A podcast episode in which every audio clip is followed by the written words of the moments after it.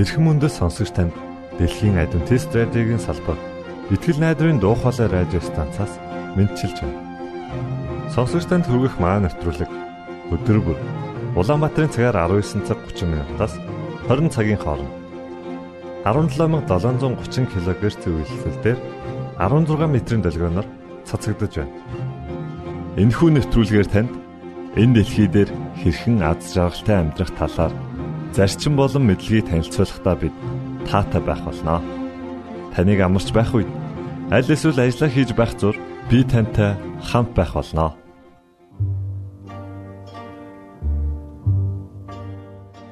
Өнөөдрийн нэвтрүүлгээр танд итгээд даг хэмэх сайхан дуу хүргэж байна. Үүний дараа та өөрийгөө байлдан дагуулагч болгон хөгжүүлэх хэмэх сурал нэвтрүүлгийг сонсох болно та бүхэн таалан сойрхно.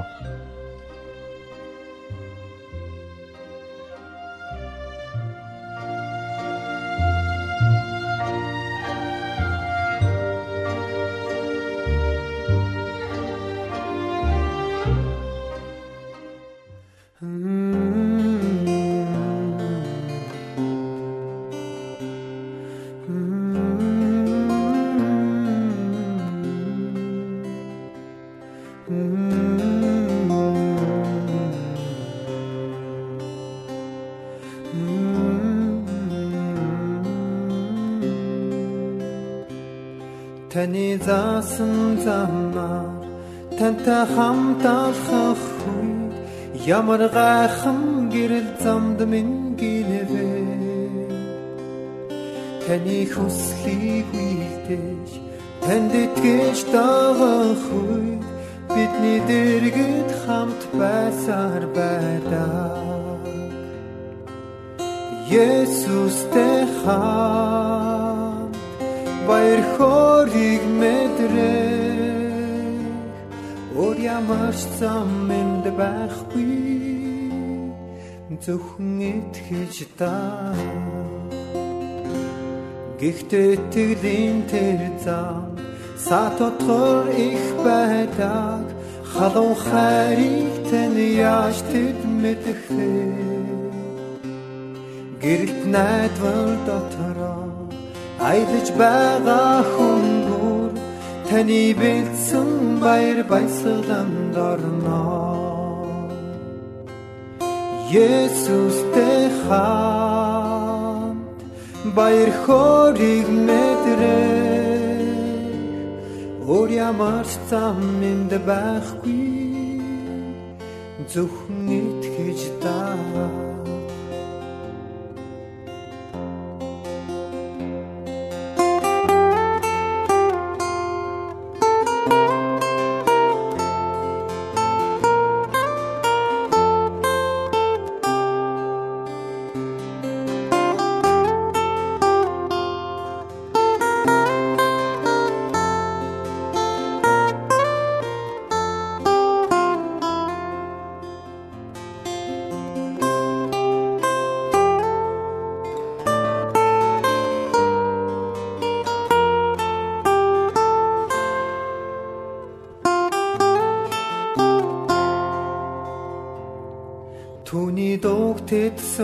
сонсоод түүний хөлд суух болно. Тэгээд эргдэн алхаж ярилцах болно.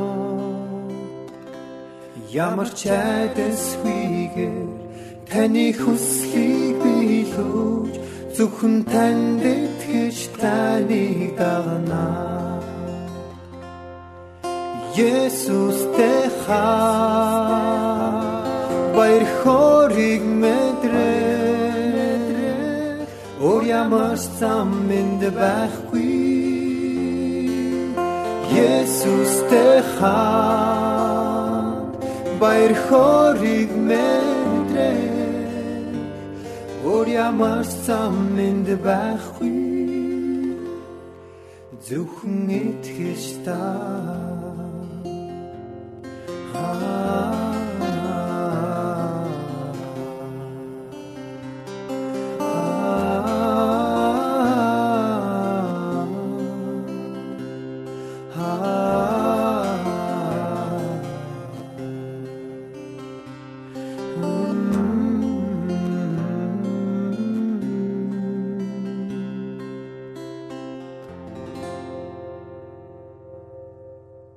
Сайн байцгаана уу сонсогчдоо. Өөрийгөө байлдан дагуулагч болгон хөгжүүлэх цоврал нэвтрүүлгээр эргэн уулзж байгаадаа баяртай. Бид таван зарчмыг судалж буйлаа. Энэ удаагийн зарчим бол лантуун зарчим буюу дөрөвдүгээр зарчим. Бусдын толгойг хизээч бүү лантууд. Александр Маклерен хэлэхдээ хэрв та дэлхийг ялахыг хүсвэл уян зөөлнөр ханд харин бүүл антуу нүглэг гэж хэлсэн байдаг. Энэ удаагийн зарчмын бидний өөрөөсөө асуух асуулт нь би жижиг сажиг зүйлсээр харилцаагаа боснолдгоо гэсэн асуулт. Нэгэн залуу ихнэрээ дүлий болоод байгааг мэдэрчээ. Тэгээ хэр зэрэг дүлэрээд байгааг нь мэдхийн тулд эмчээс зөвлөгөө авахар шийдлээ. Тэгтэл эмч түнд эхнэрийнхээ ар 5 м орчим зайнаас асуулт асуугаад үзээрэй. Хэрвээ сонсохгүй бол 4 м гэх мэтээр ойртоод асуугаад бай гэж зөвлөжээ. Ингээд майнер эхнэрээ оройн хоол хийж байхад нь 5 м-ийн зайнаас хараа ямар хоол хийж байгаа юм бэ гэж асууж. Гэвч эхнэр нь юу ч хариулсангүй. Тиймээс тэрээр дахин 1 м ойртон асуусан боловч мөн л хариу сонссонгүй. Энэ мэт метр метрээр ойртсон боловч хариу сонсоогүй тул эцэст нь яг эхнэрийнхээ ард ирээд ямар хоол хийж байгааг нь асуулаа. Гэтэл эхнэр нь "Жим, дахианы мах идэнэ" гэж 5 удаа хэллээ шүү дээ гэжээ. Энэ түнд эхнэрийнхээ биш өөрийнхөө сонсголыг шалгах ёстойг сануулжээ. Би эхнэр Маргариттайгаа 1969 оны 6 сард гэрэлсэн. Бид бусад хосуудын л адил цаашдаа амьдрал маань дардан зам шиг шулуун сайхан үргэлжлэнэ гэж итгэж байлаа. Гэтэл бидний хүссэн хүлээлт талаар өнгөрөх нь тэр. Мэдээж шүү дээ. Бид бие биенээсээ өөсөө болж харсаар хаяа нэг маргалдаж зөрчилцсөөр улмаар үүнээс гарах үр дагаврыг амсаж эхлэв. Ийхүү гэр бүлийн амьдралд хэрхэн зохицож амьдрах вэ гэдэг асуултын хариултад нэлээд цаг гарах шаардлагатай боллоо. Хүн бүхэн л миний зөв гэж өөрийгөө мөрдөг шиг Маргаret бас миний зөв байдлыг хүлээн зөвшөөрөх ёстой гэж би бодож байлаа. Би илүү сайн ярьдаг, ятгаж үнэмшүүлэх гарамгаа чадвараа ашиглан өөрсдийнхөө хооронд гарч буй зөрчлийг ядах юмгүй шийдсэн гэж үзэж байлаа. Мэдээж бид хизээч бие биерүүгээ орилж хашгирч байгаагүй л дээ. Хэдийгээр бид маш ухаалаг, уйл сууртай, нухастайгаар асуудлаа шийдэх харилцсан хамааралтай байсан ч яралт ямагл миний тал байсаар. Харин эхнэр маань өргөж оноогоо алцаал. Ийхүү бид гэрэлтийнхээ эхний 2 жилийн дотор маш олон зүйл хийсэн ч нэгэн ч амжилттай сайхан байгаагүй. Яагад гэвэл би эхнэрийнхээ зүрх сэтгэлийн галыг аажим аажмаар бөхөөж байгаагаа огт анзаарахгүй явж байлаа. Цаашлах тусам тунж гомдлох нь ихсээр хоёр биенийхээ дунд үйл ойлголтын хан босгон тоосго нэмсээр байгаагаа ч мэдсэнгүй. Эцсийн мөчөд гэр бүлд минь ямар их аюул нөөрлжсэн байгаагч би анзаарах сөхөөгүй явсаар байв. Гэтэл нэг өдөр эхнэр минь хажууд ирж сууснаа. Урд нь болж өнгөрсөн маргаан зөрчилдөөс болж ямар хэцүү зүйл мэдэрч байгаа талаар учиргүй тайлбарж гарлаа. Ингэж би анх удаа зөрчилдөөнд ялал байгуулахаас илүүтэйгээр хамгийн хайртай хүнээ хамгийн ихээр шахалгуулж байснаа ухаарсан төдийгүй. Түүнтэйгээ харилцаагаа барьж байгуулах нь илүү чухал юм байна гэдгийг ойлгосон билээ. Тэр өдрөөс эхлэн би гэр бүлийнхээ харилцаанд өөрчлөлт хийхээр шийдсэн. Зөв хандлагатай байна гэдэг нь зөв хариулт өгөхөөс ч илүү чухал гэдгийг ухаарсан минь намайг илүү уян хатан болгож өстой л долоо хэмжээс нэг охлох гэдэг зарчимд сургасаар байлаа. Ингээ бидний хооронд үл ойлгослын хан нурж харин хайрын гүр баригдаж эхэлсэн юм. Тэр цагаас хойш би хэн нэгэнтэй зөрчилдөх зүйл гарвал эрүүл ухаанаар харж эвэйг хичээн зохицуулдаг болсон. Хэрвээ надад ланту байсан бол хүүхэд эцэг эхийнхээ үгэнд дуулуурыг хандаж залхууран хоригших үед алган боовны амт мэдрүүлснээр дуулууртай идэвхтэй болдог. Энэ хүүхэлдэйн киноны баатар Кельвинтэй адилхан юм. Кельвин залхуу дуулуургүй хүмүүсийг урагш ахиулахын тулд миний амбаартал тэдэнд хэрэгтэй. Тиймээс ийм бизнес хийж байна гэжээ. Үүнтэй адил тухайн хүний онцлог байдлаас шалтгаалж лантуудах хэрэгтэй ч уян зөөлөн хандах хэрэгтэй. Үнэнтэй нүүр тулахад хэцүү байвал дараах дөрвөн зөвлөгөө хэрэглэхэд илүүдэхгүй. Нэгдүгээрт төвчээртэй хандах. 40 иргэм насны нэгэн хүн зоогийн газар оронгота шуудхан л зөөгчдөр очиж танаа зогсуулга намдах ямар нэг юм байна уу гэж асуулаа. Зөөгч үгийн зөрүүг шууд л нойлтон алтчуур аван залуугийн нүүрөө чулууд. Гэтэл өнөөх нь лантуудулсан юм шиг хөөе чи чинь яаж байна гэж гайхсан янзтай асуутал худалдагч инээснэ. За харда та зогсгоо болчихсон тийм үү? Гэтэл залуу би ийм арга байдаг гэдгийг мдээгүй юм байна. Эхнэрээсээ ч гэсэн асуусан боловч тэр машин дотор суугаад үлдсэн гэжээ. Тимээс хүмүүсийг асуултаа асууж дуусгаас өмнө лантуу мэт хариулт өгөхөөс хамгаалахын тулд өөрийгөө сурга.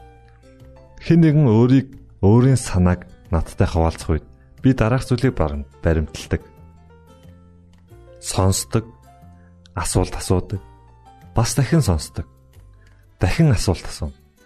Бүр их сонсож тэгээд бас л асуудаг. Тэгээд хариулт өгдөг. Би хэдий ч нэ өөрийгөө нөгөө хүний оронд тавих тусам төдий ч нэ төвчээртэй илүү зөв зохистой болдог гэдгээ мэдсэн. Хоёрдугаар зөвлөгөө. Тохирсон хугацаа. Зохиолч Даан Заадрагийн бичсэн нэгэн тэмдэглэл.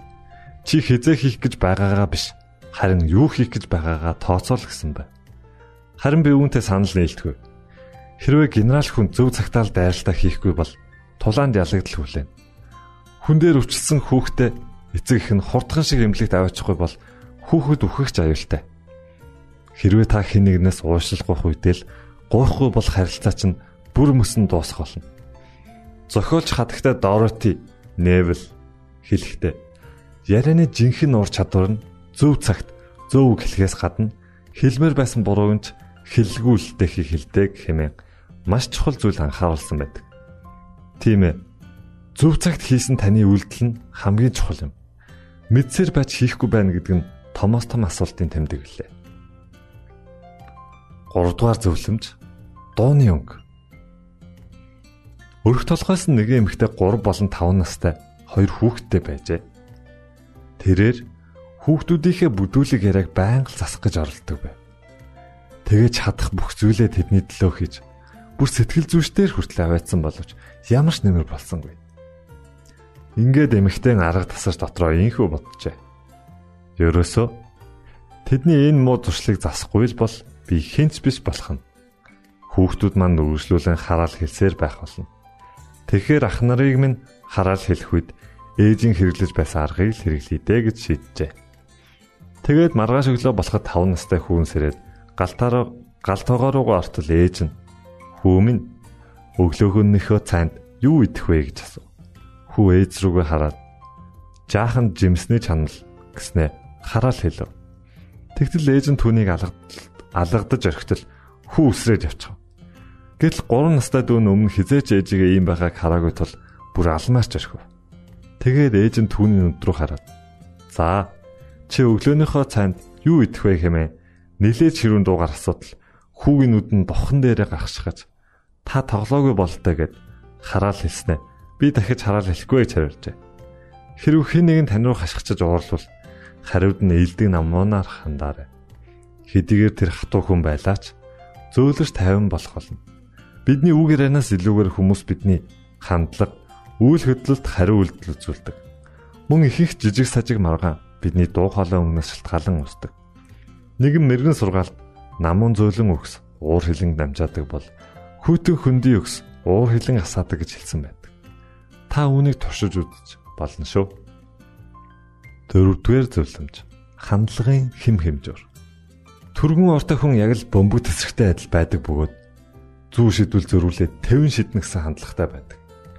Энэхүү хандлага нь түнд нэлээд бэрхшээлүүдийг авчирдаг төдийгүй тулгарч буй асуудлуудын хэмжээнээс болоод гарах шийдвэр нь хүртэл дээш доош хэлбэлцэж байдаг. Үүнийг дараах байдлаар дүгнэж болно. Тухайн үйл хөдлөлөөс үүдсэн хариу үйлдэл нь сөрөг байвал асуудал хурцддаг. Тухайн үйл хөдлөлөөс үүдсэн хариу үйлдэл нь эерэг байвал асуудал намждаг. Миний хувьд өөрийгөө тэнцвэртэй байлгахын тулд 30 секундэд бүх мэдрэмжээ хуваалц. Тэгээд гүйцээ гэсэн сануулгах журам баримталдаг. Хэрвээ би том асуудал үүсгэхээс өмнө жижиг асуудлаа шийдэхгүй бол бусд руу лантуудахаас өөр аргагүй зурдаг. Эхнэр бид хоёр ямар нэгэн асуудал толгох үед бие биедээ тусалдаг. Хүүхдүүд маань жаахан байх үед би тэдэнтэй зөрчилдөх зүйл цөөнгүй л гардаг байлаа. Тэр үед бидний баримтлагдаг байсан журам бол бид хоёр гар гараасаа барилцаж зэрэгцэн суугаад хүүхдүүдтэйгээ харилцан ярилцдаг байв. Хэрв бид хоёрын хэн нэг нь уурлал сэмэрхэн гараа атгалцсан бухимдлын хэм хэмжээ нэмэгдэж байгааг сануулж болиулдаг байв. Цаг хугацааны явцад энэ бидний хамгийн шилдэг арга болсон төдийгүй үр дүнгээ өгсөн юм. Гэхдээ энэ арга тухайн асуудал хамгийн сайн хэмжүүр болж чадсан ч өөр асуудал өөр аргыг хэрэглэх үе байсан. Лантуу шидхийн оронд өршөөлийн гараа сунг. Зарим хүнд үргэлж лантуу хэрэглэх нь сайн гэж бодож магадгүй. Тэгээ та бүхэл амьдралынхаа турш ямар нэг юмыг нүдэж амьдрах, амьдрах нь гэж хэлэх байх. Харин энэ хандлага нь нөгөө хүнээс нэлээд өндөр хэрэгжүүлж шаарддаг. Тэр ямар нэгэн зүйлд анхаарлаа хандуулахын тулд яг л хан өрөмдөж байгаа юм шиг төвлөрөх хэрэгтэй болдог. Эргээд энэ нь сайн хандлагыг төлөвшүүлж болно. Гэвч хүмүүсийг үргэлжл балбаж нүднэ гэдэг үнэхээр хэцүү бэрх арга юм. Сэтгэл зүйч Абрахам Маслов таны гарт зөвхөн лантуу байвал бүх асуудал хадаас шиг харагцаар байх болно гэжээ.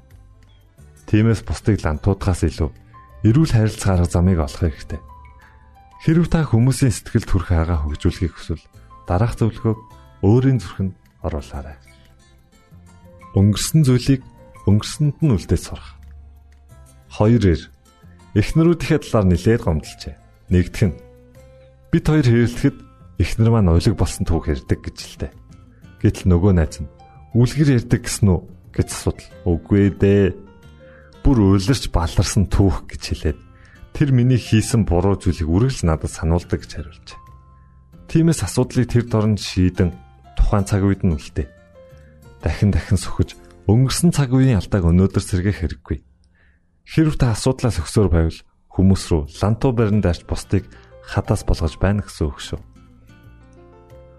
Миний хариу үйлдэл асуудлын нэг хэсэг. Бусдад өгөх хариу үйлдэлээ Энэ надад яаж хандна? Би түүнд яг тэгж хандна гэж муугар бүү илэрхийл. Учир нь надад хандах ханд надад хандах бусдын хариу үйлдэл ямар ч байж болох тул тухайн хүнийг буруутган харлгүй харин ямар учиршилтгаан энэ хүнийг ийм хандлагатай болж байгааг олчаар үүнийг бид өвтөлтийн зарчим дээр үтсэн. Удаан хугацааны турш дурддагцаар байдаг үйл явдлуудыг сан. Та дунд сургууль төгссөн гэрчлэгийг эсвэл коллеж төгссөн дипломоо байн байн гарган ирж дээр нь бичсэн бүхнийг дахин татан дооддог. Хэрвээ та гэрэлсэн бол хормын тангарага цээжээр дахин дахин уншдаг. Магадгүй энэ хоёр асуултанд та хоёуланд нь үгүй гэсэн хариулт өгнө. Гэвч таны хувьд хорим хийж байсан үе болон сургууль төгсөж байсан цаг мөчөө дурсдаг гэдэгт би эргэлзэхгүй байна. Тиймээс та бусдад хэлэх үгнээсээ илүүтэйгээр хүмүүстэй хамт байж удаан хугацааны туршиж санагцаар байх дурсамжийг үлдээ. Үүний тулд чин сэтгэлээсээ үйлдэж амьдр. Нөхцөл байдлыг харилцаанаас дээгүр хизээж бүтэв.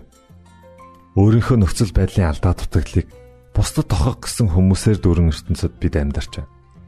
Хэрв би их нартайгаа харилцаагаа барьж байхулахаас уртад өөрийнхөө үзэл бодлыг илүү өндөр тавьсаар байсан бол түүнтэй хизээж гэрлэхгүй байсан гэдэгтээ огтхон ч марахгүй харилцаа гэдэг бол бүх зүйлийн суурь гэж би боддог. Тиймээс бусдад харилцах харилцаагаа чухалчлах тусам төдийжнээ олон гарц боломжууд үйл харгаа нээж өгдөг. Тиймээс нөхцөл байдлыг харахаас илүү харилцаагаа барьж байгуулах нь нэн чухал. Болзолгүй хайраар бусдыг хайрл.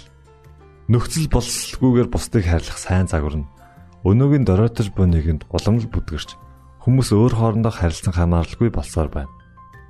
Нисгэгч Джон Вайт бусдад хандах хандлагынхаа талаар өөрийн хүсэл зоригийг илэрхийлэхдээ бид хайр тараагчд учир нь хүн бусдыг хайрлах үед тэдний хизээж үзэн ядч чаддгүй. Ийхүү би тэднийг хайрлвал альва муу зүйлс бүтлгүүдэл хорсол гомдол нуран ундаг. Тиймээс бусдын гин бурууг зарлаж улыг нь шагааж байх оронд нөхцөл болцолгүйгээр хайрлал тэдэнд илүү нөлөөлж чадна хэмээжээ. Буруу зүйлийг хүлээн зөвшөөрч уучлахгүй. Чикаго дахь нэгэн клубын гишүүн Ол Капони та илдэг сайхан үг тарих тусам илдэг сайхан үг хураан авах болно гэж хэлжээ. Юутай ч танд хэлэх маш чухал үг бол Уучлалт гэдэг хамгийн сайхан зүйл гэж хэлж байхдаа би өөрөө ч гэсэн баяртай. Та бусд руу илбрэлт гараа сунгахын оронд лантуу нүлгэж байна гэдгээ ухаарах мөчөд бурууга хүлээн зөвшөөрч уушлуулах нь хамгийн сайн арга болдог. Энэ нь таныг үе олон гэмнүглээс далж өгдөг.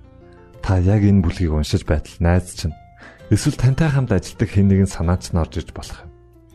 Хэрв та түүнийг лантуудаар зөхиж байсан бол төр хүлээгээд өөрлөгөө нэг өнгийн хараарай.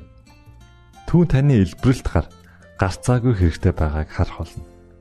Хүн бүр тулгардаг асуудал бол тэд цаг үргэлж лантуу хэрэглэж байдаг гэдгээ мэдэхгүй л байгаа юм. Майк Кемэх банкны хөрөнгө оруулагч залуу лантуу шидэж байсан тул үүнээс гарах гарц олохын тулд ерөнхий дасгалжуулагч Goldstein-ээс өөртөө туслахыг хүсв. Тэрээр өөрийгөө түнд гадаа бол эрэлхийг дайчин боловч гэртээ нохоо харсан муур шиг л хүн гэжээ. Тэгтэн Goldsmith хүнд эхнэр рүүгээ залгаад өөрийг нь хэрхэн дүүнж байдаг талаар асуу гэж зөв. Гэтэл эхнэр нь түүнийг тэр гэртээ арслан бар шиг л байдаг гэж хэлсэнд түүнийг мэйл гайхаж цэл хөхрүүлж орхижээ. Хүүхдүүд нь ч хүртэл ээжийнхээ эснийг батлсан тул эцэст нь Майк өөрийнхөө үнэн байдлыг хүлээн зөвшөөрчээ. Ингээд Goldsmith хамаг байдаг хүмүүс чинь тойл барьсантай адил. Тэд танд харж байгаагаа л хэлэх болно. Та тэдэнд итгэхгүй байлаач үнэндээ танд хайртай учраас л үннийг хэлдэг. Хэрв та үнийг үргэлжлүүлсээр байвал таны эргэн тойрны хүмүүс хадастай адил болох болно гэж зөвлөжээ.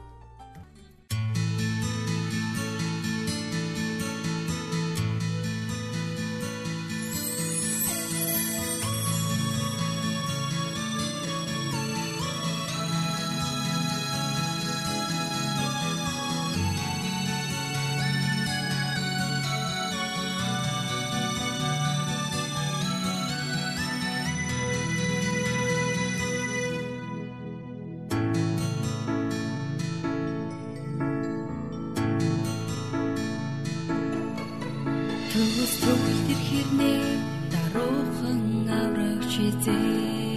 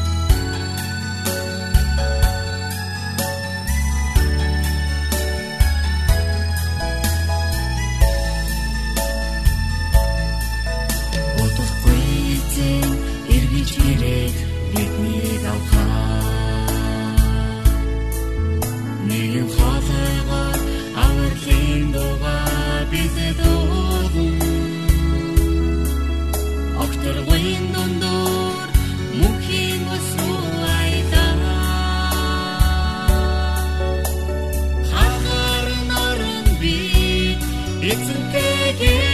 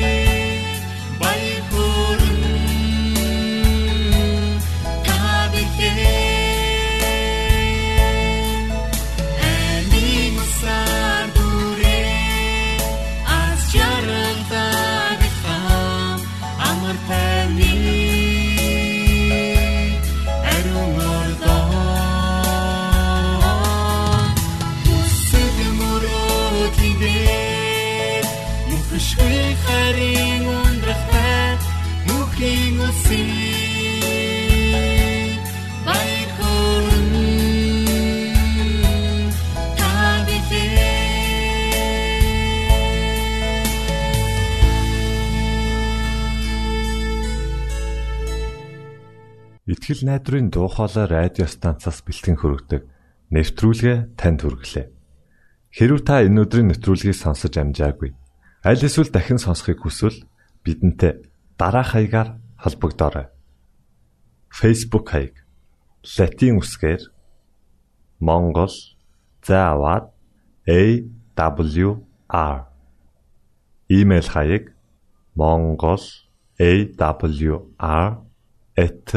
mongol@gmail.com Манай утасны дугаар 976 7018 24 9 Шуудангийн хаяг 16 Улаанбаатар 13 Монгол улс. Биднийг сонгон цаг зав аваад зориулсан танд баярлалаа. Бурхан таныг ивээх батугай